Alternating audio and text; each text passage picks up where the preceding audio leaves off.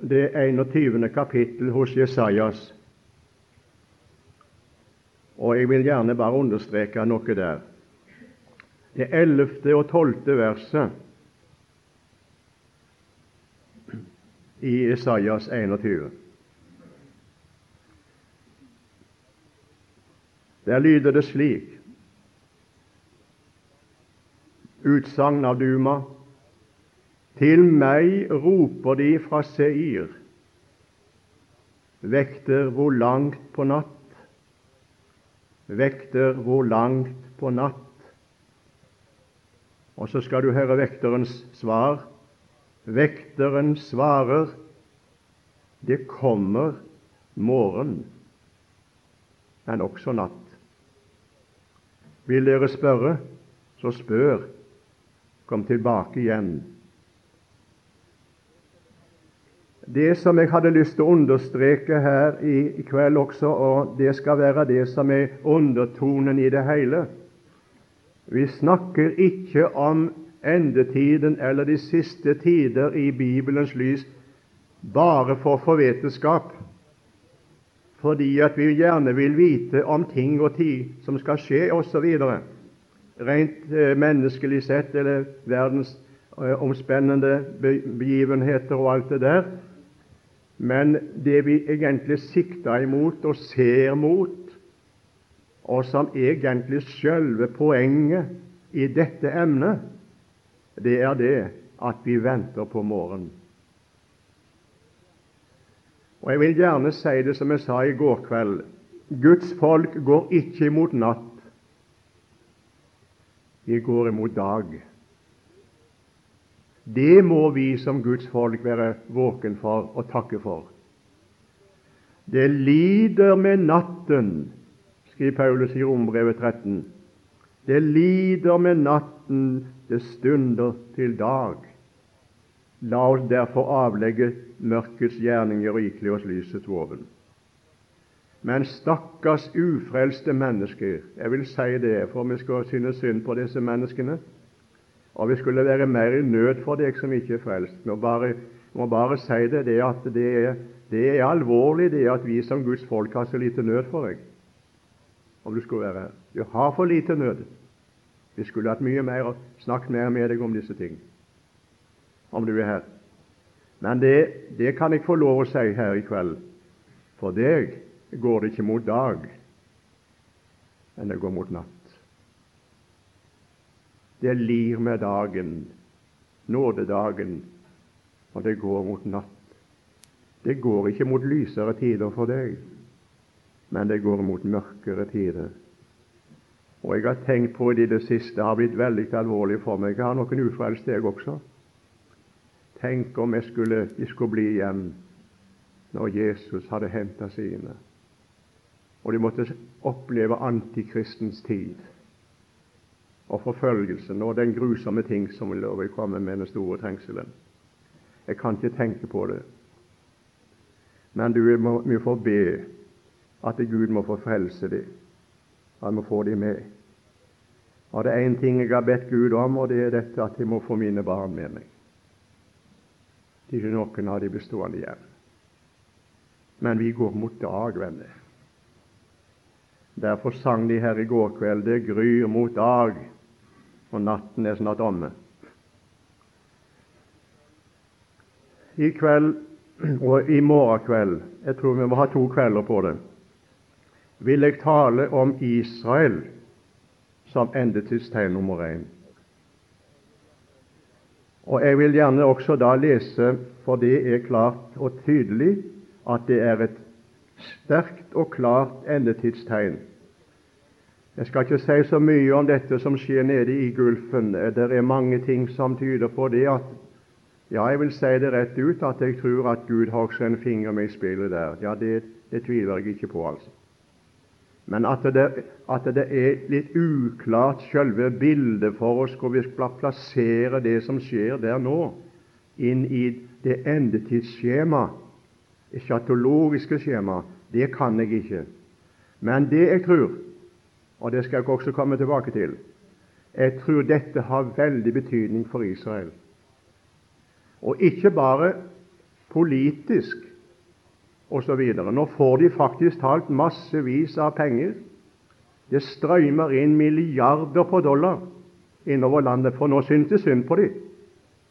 Til og med fra Tyskland, fra Amerika andre klanter, fra Frankrike, så gir de nå en massevis. Og det var nettopp det folket trong for å kunne ta imot den veldige immigrasjonen som nå skjer i Israel. Men eh, jeg tror det skal også ha åndelig betydning. Og Hvis du er interessert i å lese om det som skjer nå Jeg tror personlig iallfall, og jeg er ikke alene om det eh, Det er større personer enn meg som har sagt det de siste dagene, og skrev i avisen om det også, at du kan lese Jeremias 50 og 51.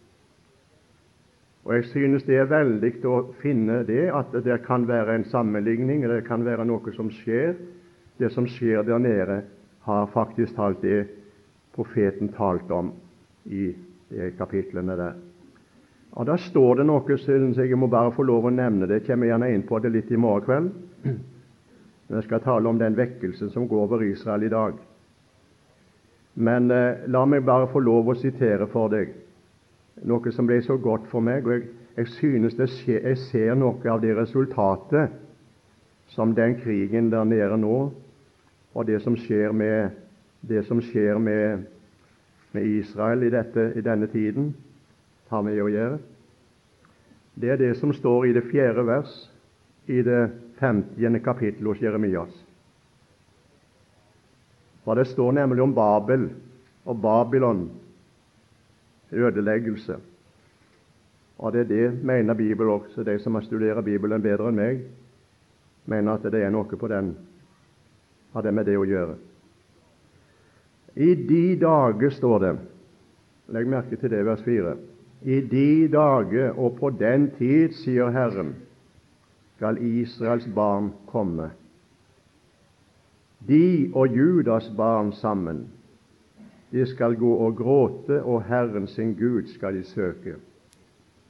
De skal spørre etter Sion, etter veien til Sion. Hit er deres åsyn vendt. Kom og gi dere til Herren ved en evig pakt som ikke blir glemt. Jeg synes jeg ser at det skjer i dag. Jeg skal ikke komme inn på det i kveld. Men det skjer en vekkelse nå, venner, blant dette folket. Og Jeg vil gjerne få si det nå fra denne talerstol i kveld at vi skal, ha, vi skal ha øynene våre vendt og hjertene våre og tankene våre og synet vårt åndelig sett vendt mot det folket mer enn noen gang. Det er kalt Israel er kalt lilleviseren på Guds store klokke, Guds verdensur. Du vet at lilleviseren den det er den som bestemmer timen. Storeviseren, den viser minuttene. Lilleviseren viser timen. Den går seint, lilleviseren, men det er den som går. Og det er den som du må regne med når du skal se hva klokka er. Jeg vil gjerne si det. Jeg tror nok det at, lille, at Israel kan bære det, det, den etiketten, lilleviseren på tidens ur. Nå skal ikke vi fantasere over noen ting, og vi skal ikke fantasere når vi skal snakke om endetiden og de siste tider. Her er så mye fantasi ute og går. Og jeg, veldig, jeg, er veldig redd for å komme med noen ting som jeg ikke har dekning for i Skriften, også når det gjelder de siste tider, og ikke minst dette. Ja, generelt Bibelen. Men jeg må gjerne si det at når jeg har studert på disse tingene og arbeidet med det, er det blitt mer og mer klart for meg tegnene, endetidssituasjonene, vises klarere og klarere for meg i lyset fra Skriften. Derfor leste jeg det i går kveld i, fra Salme 36. I ditt lys ser vi lys. Slik er det. Det er mange utsagner, mange ting som er sagt om dette med Israel. Jeg skal bare nevne et par tilfeller, bare et, par sitat. En har sagt det slik Israel er tidens eschatologiske tegn. Endetidstegn betyr det. Fremfor alle andre. Israel er Guds demonstrasjonsfolk. Og En annen har sagt det slik, jeg skal sitere det òg. Israels samling og senere frelse har alltid stått for den levende kirke som et endetidstegn. Israel er viseren på Guds klokke, lilleviseren på tidens ur. Er ikke alle enig i det? Vi har en person oppe i Bergen som står og sier det i sin tale. Nei, vi skal ikke gjøre det slik som og kristne mennesker og forkynnere skal ikke være som en, som en, eh, en som står med, med, hatten og en sånn eh, som, jeg husker ikke navnet på det nå. En, en tryllekunstner som står med flosshatten og trekker duer opp. Og Så sier denne personen det at eh, det er det mange forkynnere gjør. De tar Skriften og bruker den som en flosshatt med, med masse altså trylleformularer, og så trekker han opp duer. Og så sier det betyr det, og det betyr det, og det betyr det.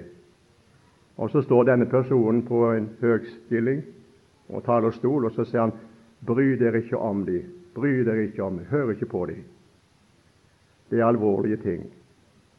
Og en annen, en svensk eh, dosent, som også vil være en troende Skal ikke dømme noen ned for det.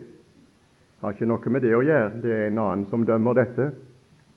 Han sier det, nokså kjent i Uppsala. Han sier det at Israel, sier han, og endetiden har like så lite med, har så lite, så lite med endetiden å gjøre som Sverige har med Mexico å gjøre kan ikke finne noe støtte for det at, at Israel noe spesielt utenom alle andre land. Da må jeg få lov å sitere en annen person som jeg ser veldig opp til, som er her i Norge. Han heter Carl Fredrik Wisløff. Han må jeg si at jeg har respekt for. Personlig føler jeg sterkt, sier Wisløff, at utviklingen haster mot endens tid. Jeg vil gjerne at alle kristne må være i bønn for Israels folk. Etter utvelgelsen er de elsket for fedrenes skyld. Romer 11. Derfor må også Guds folk elske Guds paktsfolk. Og så sier Wisløff vi må elske jødene for Jesus skyld fordi det er hans eiendomsfolk spesifikt.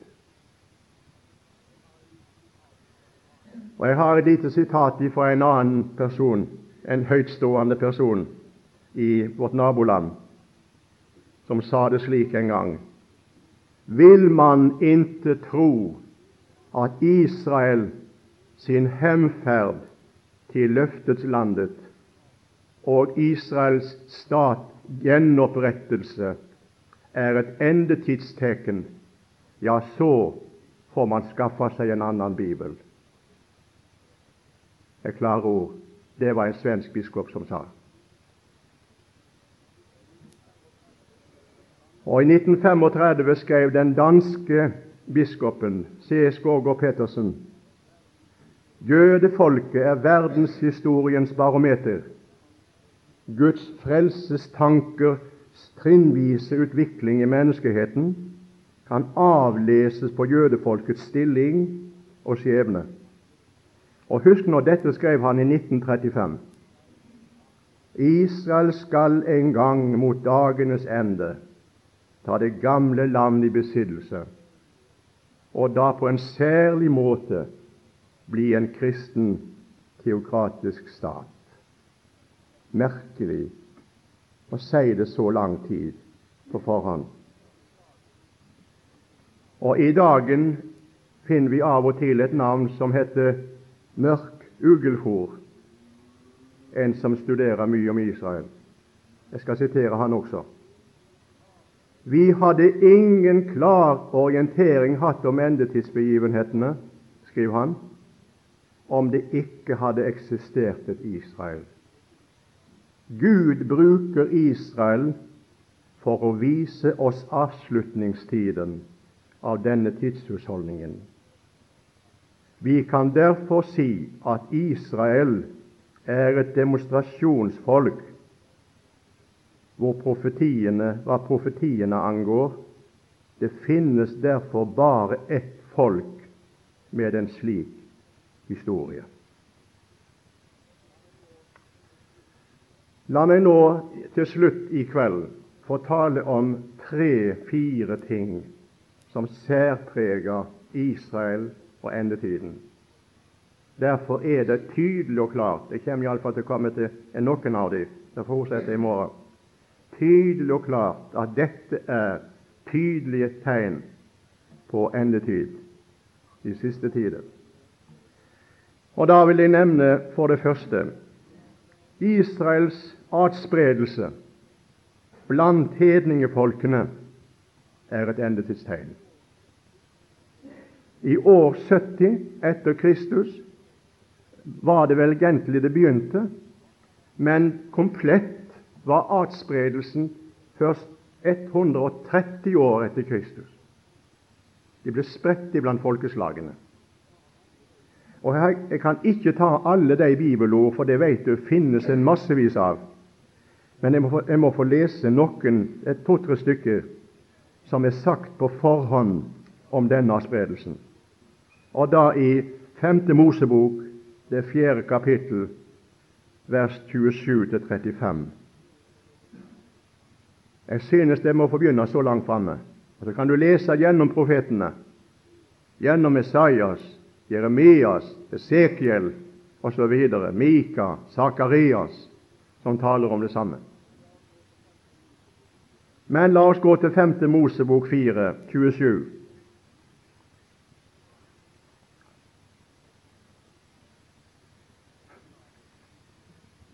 Jeg får ta det iallfall, og ett til om adspredelse.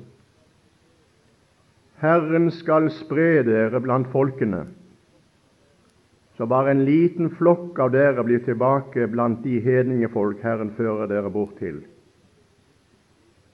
Der skal dere dyrke guder som er gjort av menneskehender, stokk og stein, som ikke ser og ikke hører, ikke eter og ikke lukter. Der skal dere søke Herren din Gud, og du skal finne ham når du søker ham av hele ditt hjerte, av hele din sjel.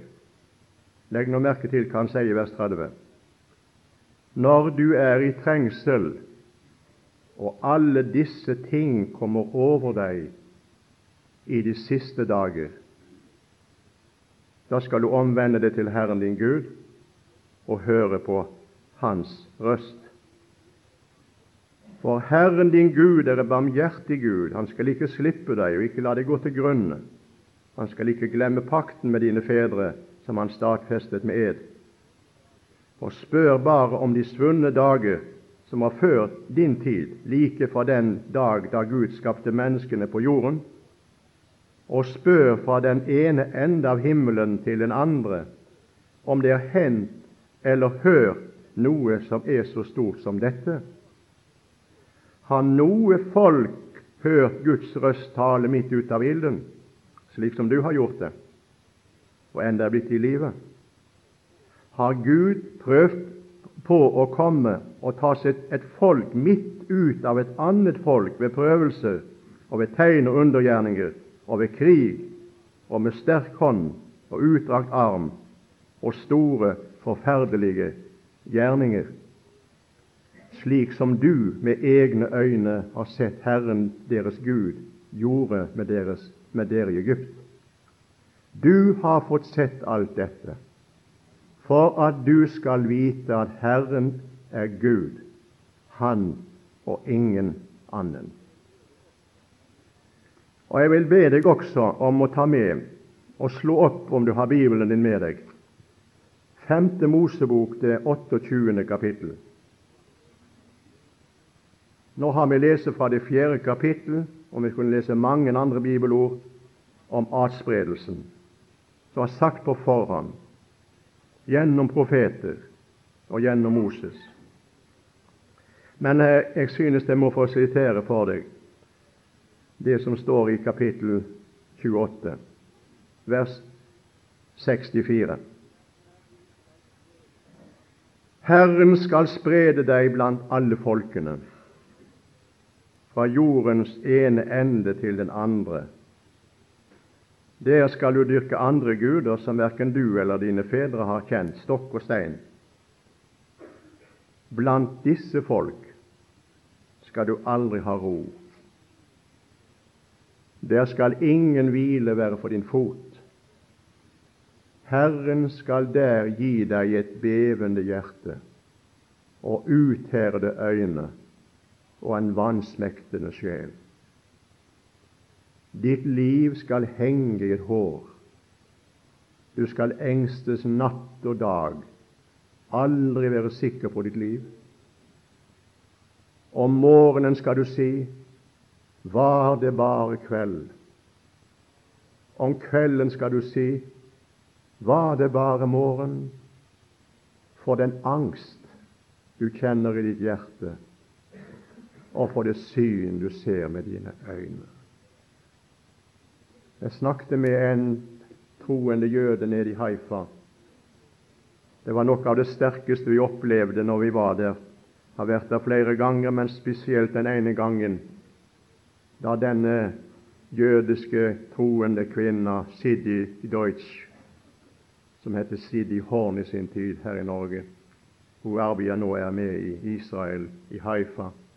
Arbeider mye der i, i Eliaskirken og, og gamlehjemmet der. Hun sto fram og vitna. Og det var slik at alle elevene mine de brast i storgråt når hun vitna. Og vi snakket etterpå med henne, og så sa hun det er akkurat slik jeg opplevde det. Dette er det som skulle være min historie. Om morgenen så sa jeg 'Å, var det bare kveld'.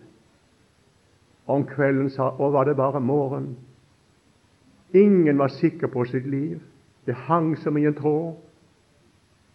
Og så kom de, og så var det den den dagen, og så var det den den natta. Og så var han aldri sikker. Og så så en likhaugene.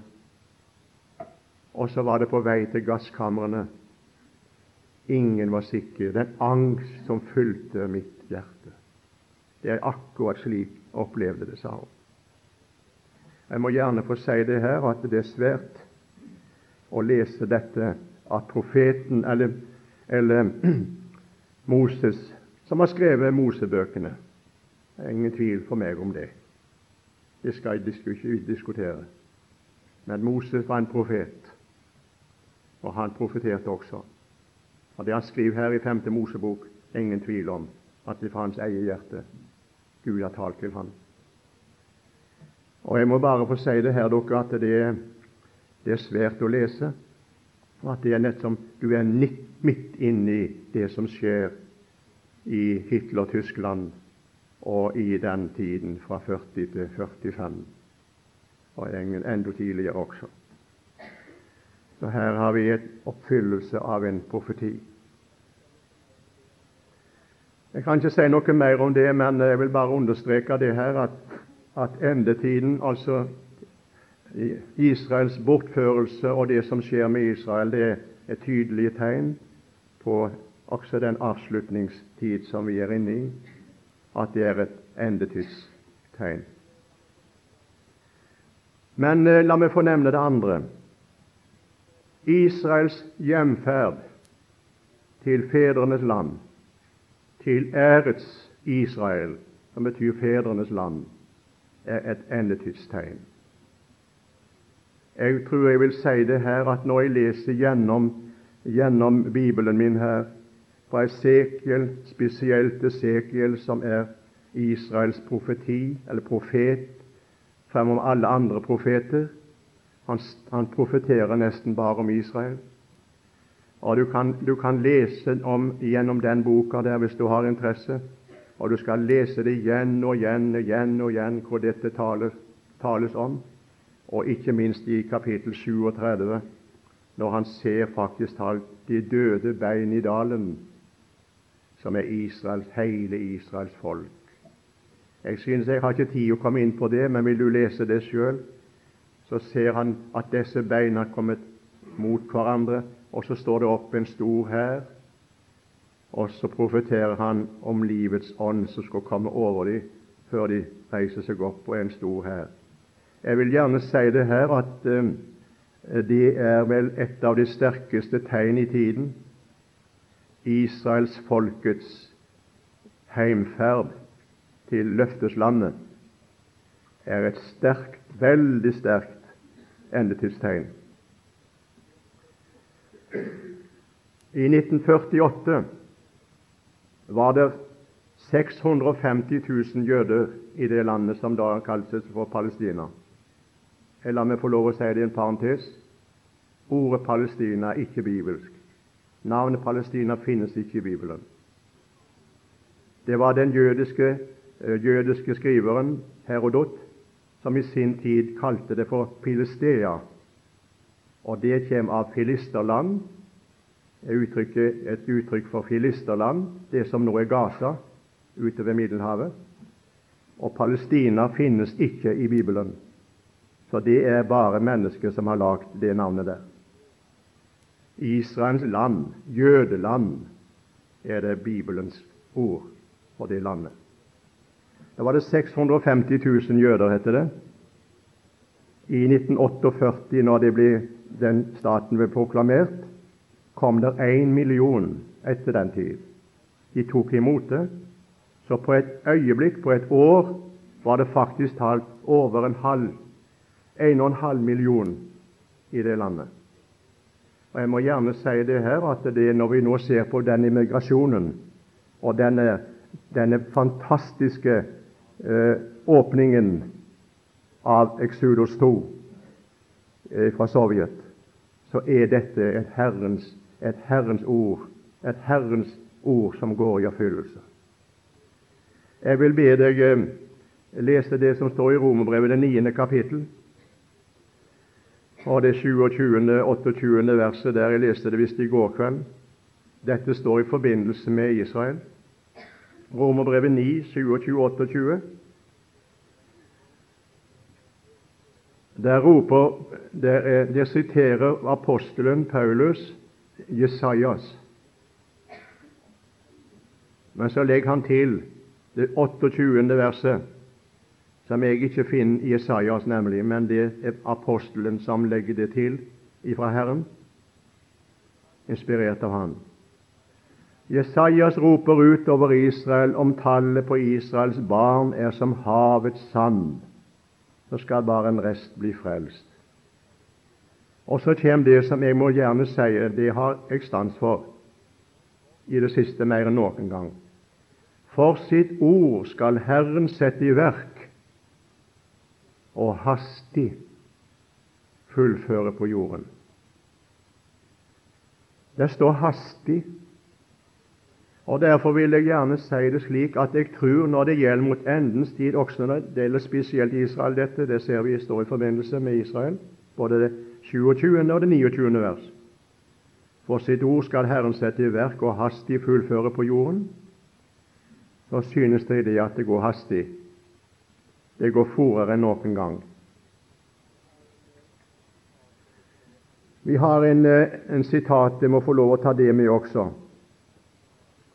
Det er en eh, som har sagt det slik Israels tilbakevenden til sitt land er en direkte oppfyllelse av gamle testamentlige profetier og settes inn i et større apokalyptisk endetidsskjema, hvor tilbakevendelsen til landet da blir et klart, tydelig endetidstegn. Og En annen har sagt det slik Når man hører og ser hvordan jøder fra over hundre forskjellige land over hele jorden vender tilbake til Israel, synes man at dagens øyeblikksbilde utvides og vokser til verdens perspektiv av profetisk karakter.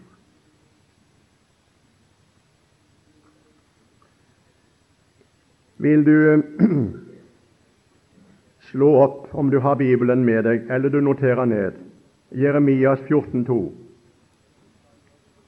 Jesajas 14,2. Jesajas 14,2. Og Jesajas 43, 5-9. Jesajas 14,2. Jeg synes det, det skjer i våre dager. Vi kan ta vers 1 også. Jesajas 14, 1 og 2. For Herren skal forbarme seg over Jakob og igjen utvelge Israel. Han skal bosette dem i deres land, og fremmede skal slå seg sammen med dem og holde seg til Jakobs hus. Folkeslag skal ta dem og føre dem hjem igjen, og Israels hus skal få dem i eie Herrens land gjøre dem til treller og trellkvinner. De skal, få til, eh, de skal få til fanger dem som holdt dem i fangenskap. De skal herske over sine herrer. På den dag skal Herren gi deg ro for ditt strev og din angst og for den hårde trelldom som ble lagt på deg. Esaias 43, 5-9. Og så får vi ta ett vers til. Esaias 43, 5-9. Dette er sagt til Israel. Frykt ikke, jeg er med deg. For østen vil jeg la din ett komme, og fra vesten vil jeg samle deg. jeg, og hør nå, jeg vil si til Norden Hva vil han si til Norden? Gi dem hit. Og til Syden, hva vil han si til Syden? Hold dem ikke tilbake. Tror du han gjør det i dag? La mine sønner komme fra det fjerne, mine døtre fra jordens ende. Vær den som nevner med mitt navn, og som jeg har skapt til min ære, som jeg har dannet og gjort. Og så står det, må ta vers 8 òg, før fram et folk som er blindt, enda de har øyne, og de som er døve, enda de har ører. Altså blinde for evangeliet, døve for nådens budskap, men likevel ført fram av Gud. Og hvem er her er vi inne på noe vesentlig. De er elska for fedrenes skyld. Han holder pakten med Abraham. Og vær sikker, les Romerbrevet 11 og studer det. Det er fremtidens Israel. Men nå må jeg skynde meg. Jeg må få lov å be deg også slå opp Jesaja 60. Jeg skulle hatt mange, mange timer på dette.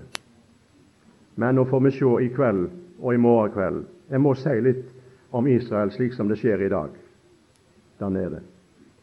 Men jeg synes det er veldig når jeg leser her, Jesaja 60, at profeten så mange hundre år før Kristus og før det som skjer nå i dag, så lang tid tilbake, kan si det slik som det står i vers 8 og 9. Hvem er disse som kommer flyvende som skyer, som duer til sine dueslag? Hvem er de? Hva tror du han ser? Hva tror du han ser? Han ser flyene Han kaller de for duer så flyvende som skyer, duer til sine dueslag. Jo, fjerne kyster venter på meg. Fremst seiler tasseskipene og fører dine barn hit fra det fjerne. Og så står det noe. Deres sølv og gull kommer med dem for Herren din Guds navns skyld, for Israels hellige skyld, for Han herliggjør deg. Ifra Sovjet får de ikke sølv og gull med seg. De får bare en liten bagasje og må reise ifra alt. Hvis det skulle bli et eksodus ifra Amerika, så ville det bli bankerott i Amerika etter at jødene var flytta. Jeg tenker på alle de store konserner og fabrikker og anlegg av alle slag som er på Israels jødisk kapital. Tenk om de flytta det over til Israel, alt sammen. Ja, hva vil det da bli? Og Derfor sier jeg det rett ut fra talerstolen i kveld. Derfor må Amerika være snille med jødene. Og den dagen de må reise derifra og flytte, og det skal de, skal ikke være én igjen i hedningeverdenen. Ikke én. Det vil til Israel alt sammen, så langt jeg kan skjønne Skriften. Den dagen blir det ikke enkle, enkle tider for Amerika heller. Deres sølv og deres gull blir med dem. Frem seiler Tarsis-skipene og fører mitt folk fra det fjerne. Jeg har ikke vært på kaien i Haifa når jødeimmigrantskipene kom. Men de som har vært der, sier det er den største opplevelsen. Eller når flyet landa på David Ben Gurion-flyplassen i Tel Aviv. Og her kommer det fullt med jøder fra forskjellige kanter fra Europa, andre plasser. Og de sier det, der at det er en slik opplevelse at de vil aldri glemme det.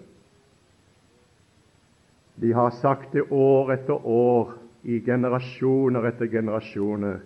Neste år i Jerusalem. Det er en kjærlighet til landet som aldri du skal se maken til.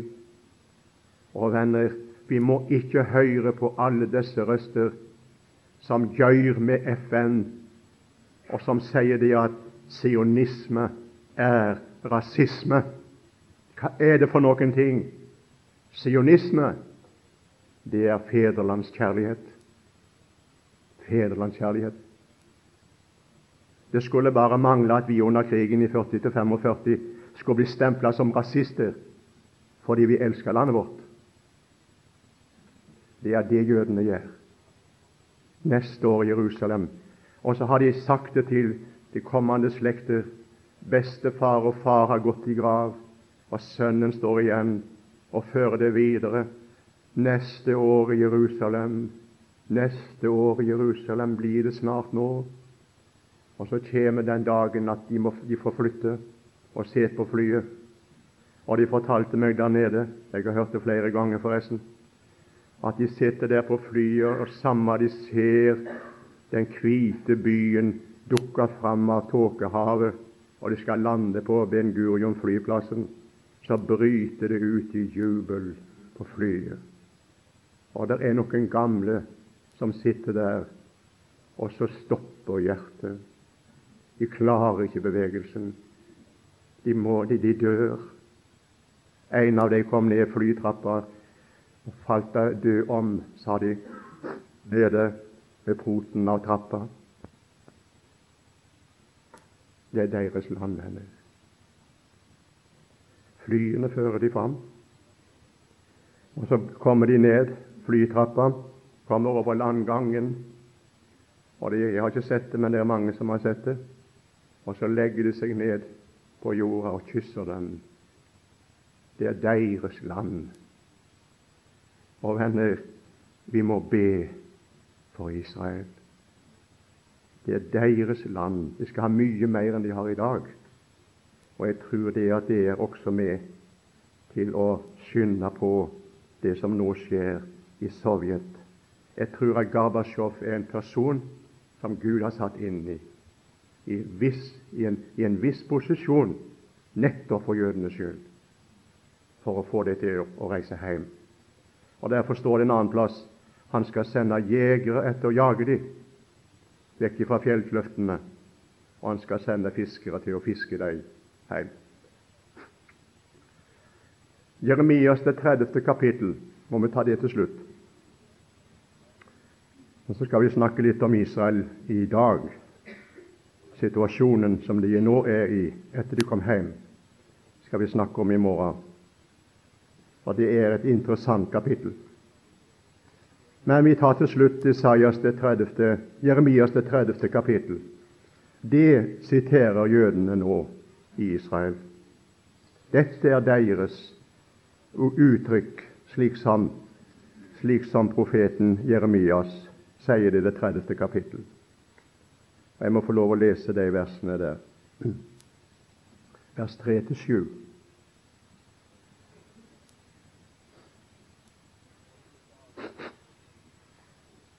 For se, dager kommer, sier Herren, da jeg gjør ende på mitt folks Israels og Judas fangenskap, sier Herren, og fører dem tilbake til, dette, til det landet jeg gav deres fedre, så de skal ta det i eie.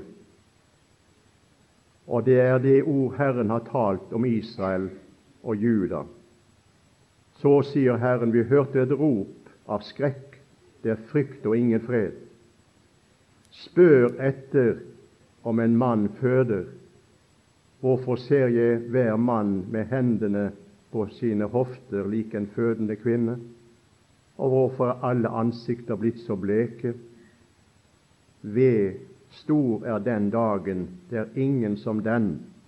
En trengselstid er det for Jakob, men han skal bli frelst fra den. Og så til slutt det 23. kapittel, og det er det som særlig Israel i dag er opptatt med det 23. kapittel hos Jeremias, vers 7-8. Hittil har de vel vært mest opptatt med utgangen fra Egypt. Hver eneste, hver eneste påske så minnes de utgangen fra Egypt. Har gjort det slekt etter slekt. Men nå gjør de vel det ennå, men det de er mest opptatt med, det er Jeremias 23. Se, derfor skal dager komme, sier Herren, da han ikke mer skal si, så sant Herren lever, Han som førte Israels barn opp fra landet Egypt. Men så sant Herren lever, som førte Israels hus og ett og lot dem komme fra et land i nord, og fra alle de land jeg hadde drevet dem bort til, og de skal bo i sitt land. Det sies til Israel i dag. De taler om de kom fra landet i nord. De er kommet til Israels land ifra forskjellige verdenshjørner. Og så sier de det er det nå som er i fokus. Han førte oss opp fra Egypten, som fedrene gjorde. Han gjorde med fedrene. Men oss har Han ført opp ifra mer enn Egypten. Han har ført oss ifra land i nord, ifra land i syd, ifra land i vest, ifra hele jorden. Så i dag er det samla i Israel ifra 115 forskjellige land er samla i Israel. Jeg skal si deg, Herren står bak sitt ord. Og nå skal vi bare være til slutt ta med det som står og jeg synes jeg må få nevne det her til slutt igjen og ha det med. Det gryr mot dag. Jeg skal snakke litt om fikentreet i morgen, som, som knoppast, ja, som, som Jesus sier når du ser på disse, så skal du vite at han er nær for døren. Og jeg vil gjerne si det er kommet så langt nå at, at vi merker tydelig den interesse for Jesus i Israel. som Aldri har vært snakket om tidligere. Herre Jesus, og må du og eh, gi oss denne nåde at vi må få se, Herre, på tidens mange tegn, og ikke minst Israel.